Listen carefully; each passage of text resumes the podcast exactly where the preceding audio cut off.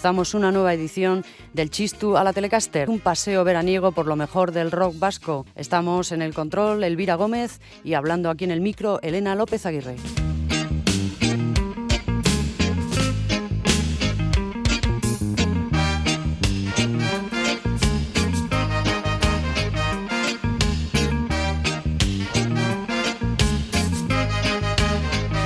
Una tarde más entramos en la historia del rock vasco.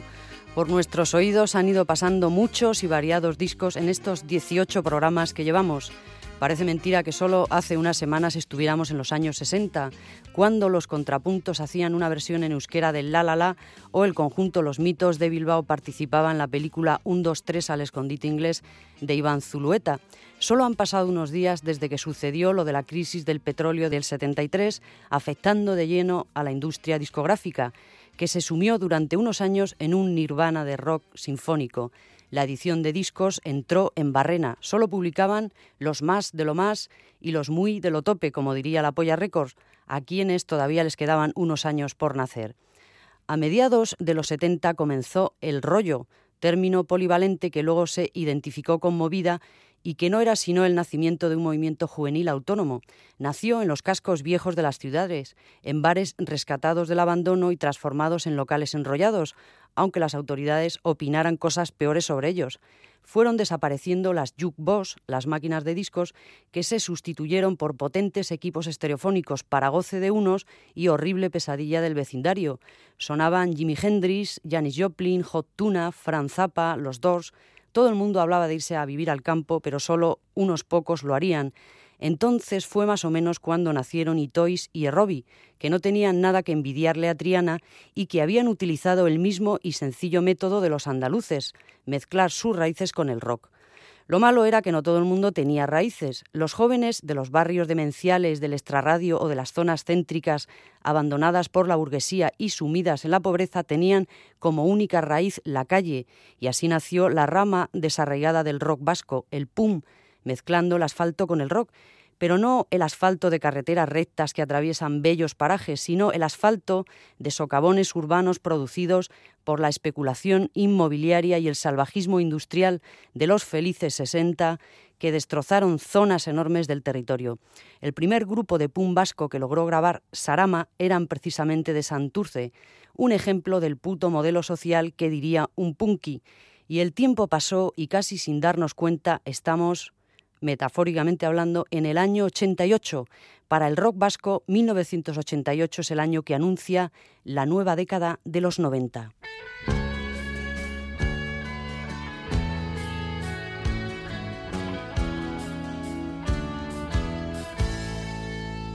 Oien legea guretzat aparkei dartzela iesa ospena eta isiltzea.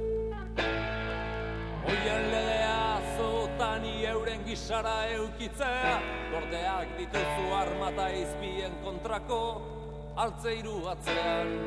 Eta gune gargasen mende gaudenok okero men gaude. Ez dute uzten maitatzen gauean.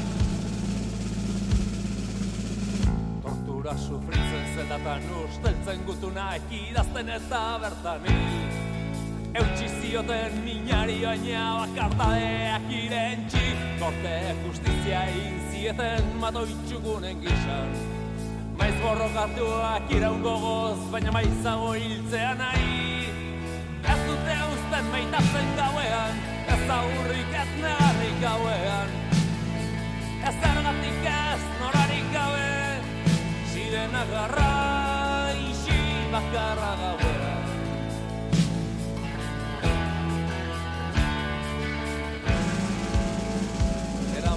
zuten frantiskiz gaztea baitaren leku zuton makilu ere.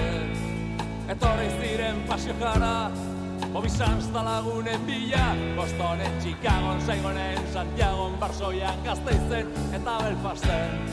Eta beste hainbat lekutan, alzerren da maigabea Ez dute usten maitazen gauean, ez agurrik ez negarrik gauean.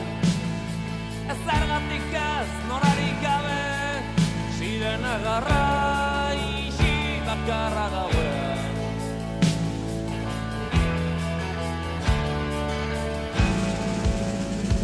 goizean aiei borrokan lagundu nahi duten guztiak. Gerrara oitu zintezke, baina gerra egon badago Arrainak itxasua behar du, berriak zue azaitu. Gure goguak iraun artean ez da beldurra nagusituko ez da gurrik ez negarrik gauean. Ez zergatik ez norarik gabe. Sirena garra isi bakarra gauean. Sirena txagarra isi bakarra gauean. Sirena garra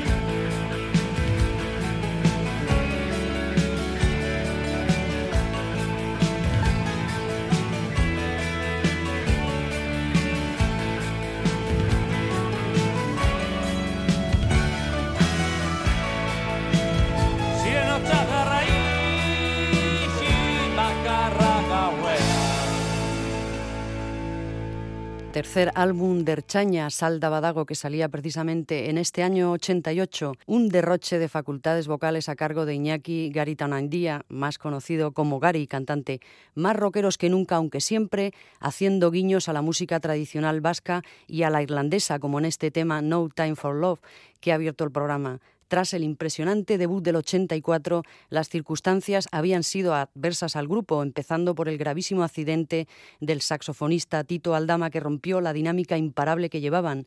Si su segundo disco fue una obra muy intrincada que no vendió demasiado, este tercero fue El Maldito. Tenía que haber salido un año antes, pero otro grave accidente, en este caso del cantante, retrasó meses la grabación, que tuvo que volver a repetirse entera de nuevo.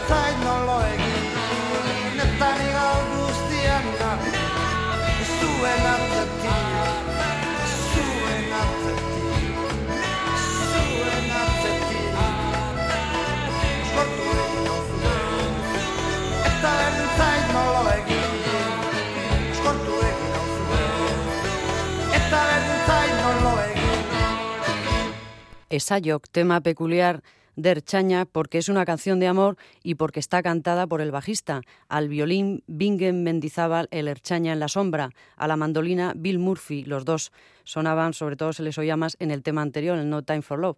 Erchaña contó con Rupert Ordorica en labores de producción para este tercer álbum. Salda Badago estaba lleno de canciones complejas y agrias, con muchos cambios de ritmo y ambientes oscuros. ¿Y cómo andaba el ambiente en Euskal Herria? El sociólogo y colaborador habitual en el tubo, Jacue Pascual, tiene algo que contarnos al respecto y nos dice, si en el año 87 detectamos un índice acumulado de expresiones de movimientos sociales, juveniles y nacionalistas como reflejo de un sujeto múltiple, heterogéneo, difuso y extendido socialmente, a partir de 1988 vamos a constatar un desinflamiento de esta potencia y la transición hacia un nuevo estadio del conflicto, explicaba Jacue Pascual en Telúrica Vasca.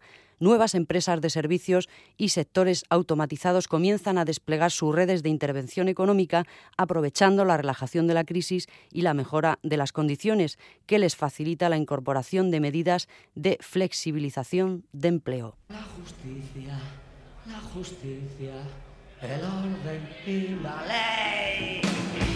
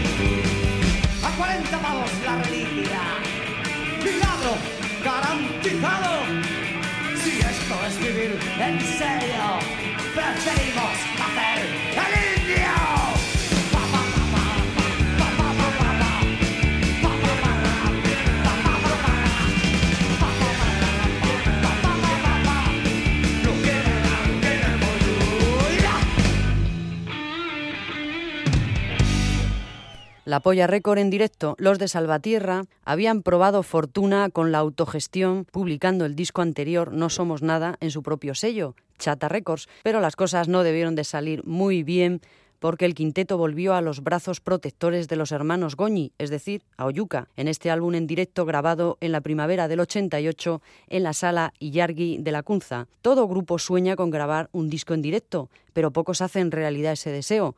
También es verdad que el disco en directo es considerado por un sector de aficionados como un síntoma de falta de creatividad, es decir, se saca un disco en directo con canciones viejas porque no llega la inspiración. Discrepamos totalmente de esta postura, pues el directo es el estado natural de un grupo de rock, es sobre el escenario donde el rockero alcanza su verdadera dimensión, ni más ni menos. La, la, la,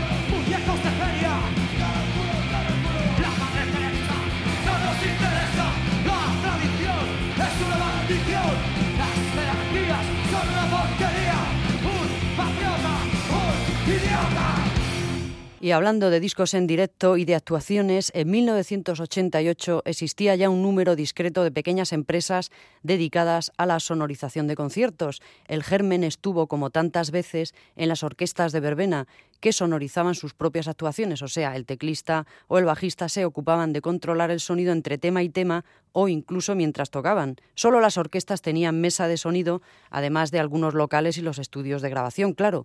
Con los años apareció la figura del técnico, dedicado exclusivamente a su trabajo y sin tener que ver nada musicalmente en el grupo. De allí a la creación de su propia empresa solo mediaba un paso. Hoy nadie discute la figura del técnico, pero en los años de la explosión del rock vasco, a principios de los 80, los técnicos tenían que defender su equipo con uñas y dientes de las hordas de punkis sobreexcitados que asaltaban una y otra vez el escenario. Nuestros siguientes invitados habían vivido aquellos años generosamente.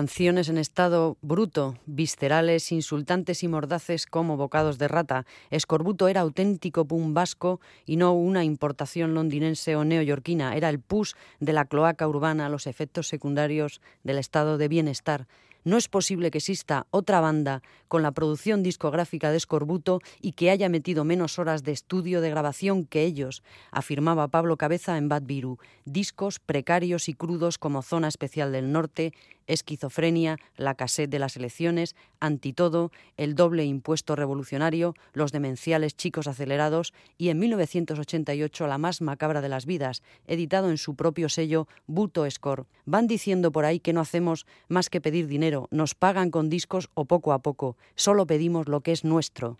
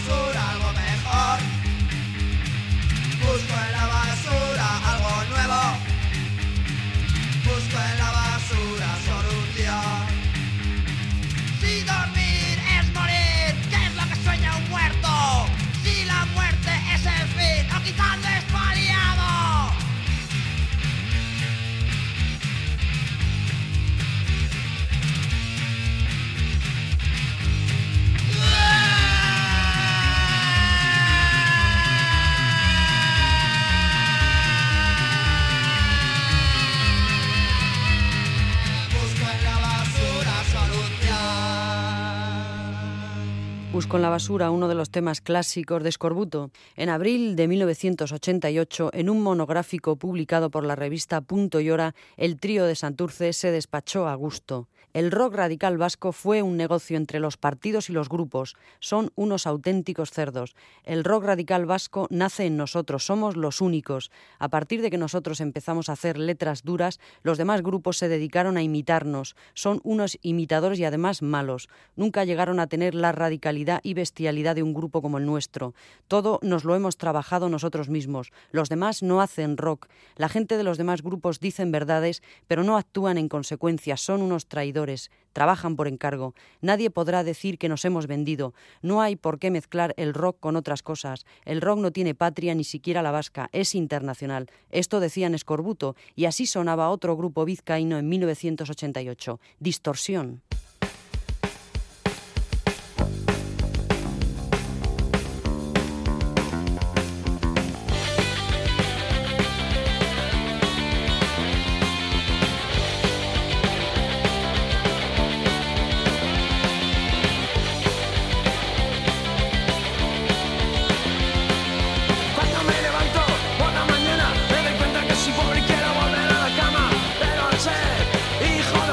con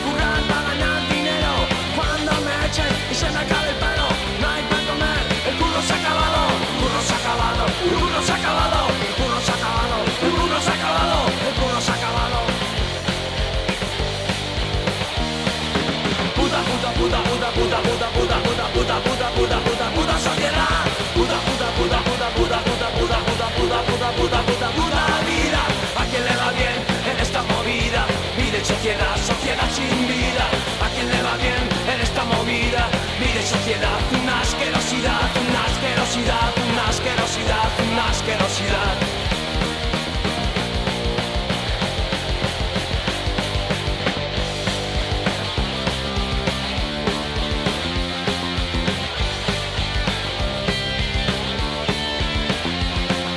Te vas haciendo viejo con el paso del tiempo, no tienes ideales, no tienes movimientos, pareces pureta, pareces cansado, no tienes marchas. no seas un adulto, porque eso es un insulto, porque eso es un insulto, porque eso es un insulto, porque eso es un insulto, porque eso es un insulto, porque eso es un insulto. Puta, puta, puta, puta, puta, puta, puta, puta, puta, puta, puta, puta, puta, sociedad. Puta, puta, puta, puta, puta, puta, puta, puta, puta, puta, puta, puta, puta, vida. ¿A quién le va bien en esta movida?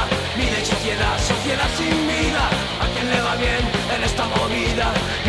una asquerosidad, una asquerosidad, una asquerosidad, una asquerosidad.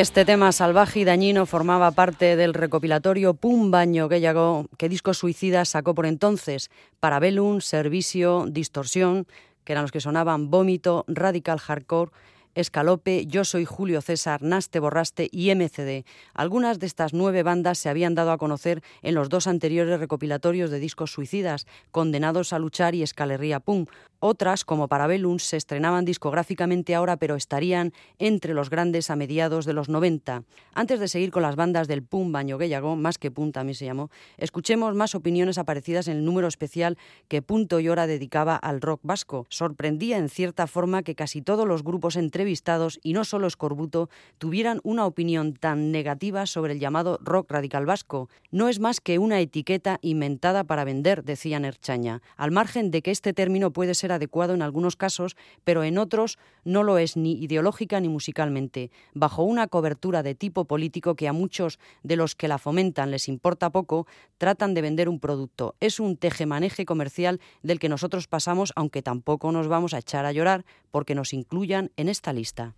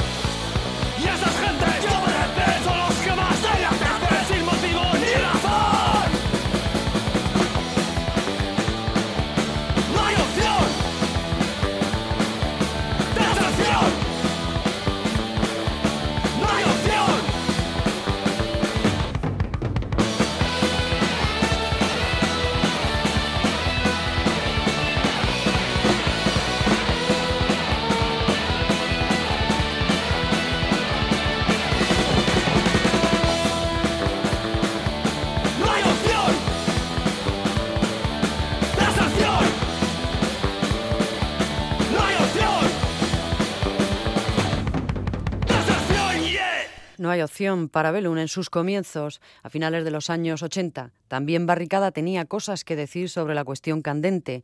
El rock radical vasco de ahora no es el mismo de hace cinco años. Decían, Duncan Du me parece más radical que muchos de los que estamos metidos en este rollo. Parece que o hablas de policías o estás con los blandos, y la gente de los grupos no nos pasamos la vida echando piedras a la policía. La movida de Euskadi de cara al resto del Estado está de capa caída, ya no están tan de moda. Las etiquetas se acaban, al final lo que queda son los grupos.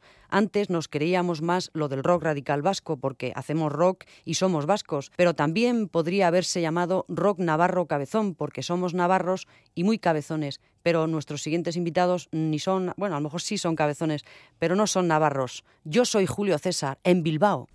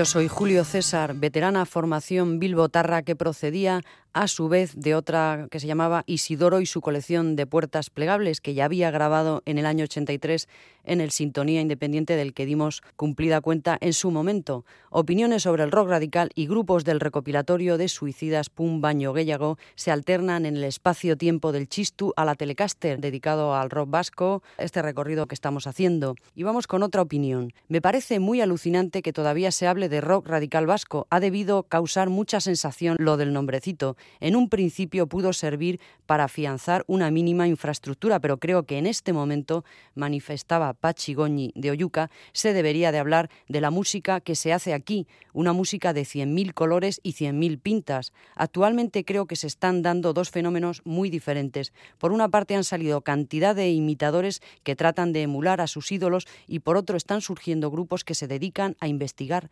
nuevos estilos.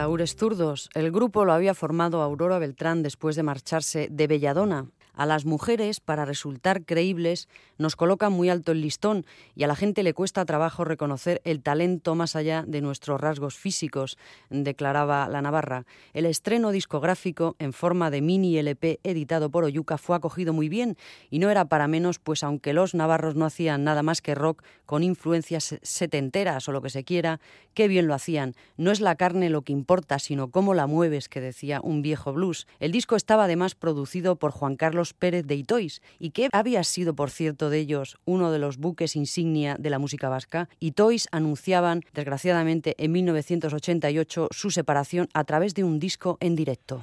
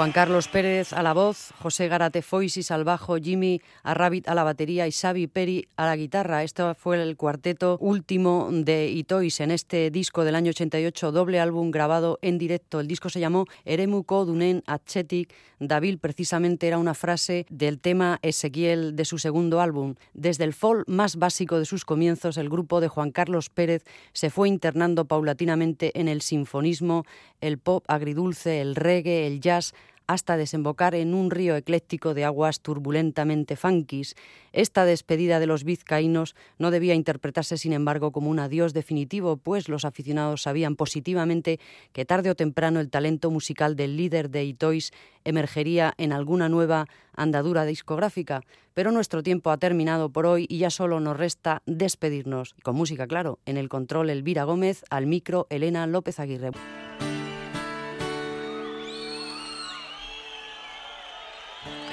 gaude Ta postitzen az Ta ze oso jaita bai Ta zer ondo Zelan difua Zure bufanda txuria Laute jatu ganian Ilargia erdian Eta zu goruz behira Zure keia eskuetan putzara batekin putz, nerean atorriko da, ta berrez izango gara. Zoriontzu, edo zenerriko jaixetan.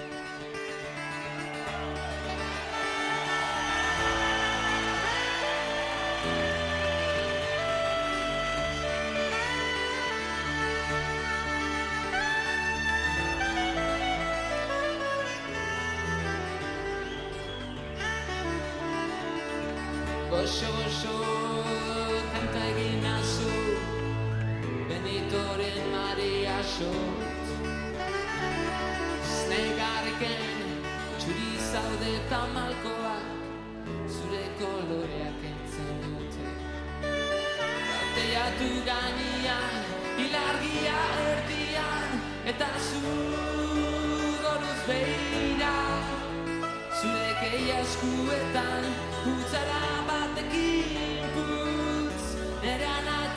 atorriko da, ta berrez izango gara. Zoriontzu, ezen herriko jaixetan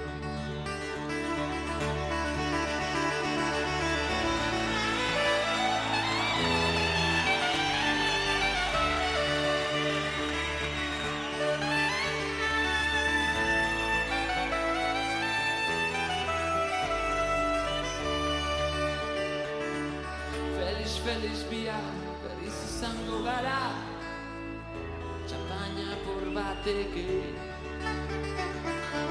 Ero gabe baina, izarrak gurekin daude Piano baten soinuaz Lauteiatu gainean, ilargia erdian Eta zu goruz behira Zure keia eskuetan, putzara batekin berrez izango gara. Zoriontzu, edo zein herriko jaixetan. Lauteiatu gainean, ilagia erdian Eta zu goruz behira Zure keia eskuetan putzara batekin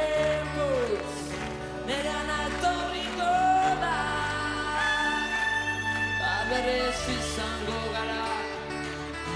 Zorion zu Edo zein ere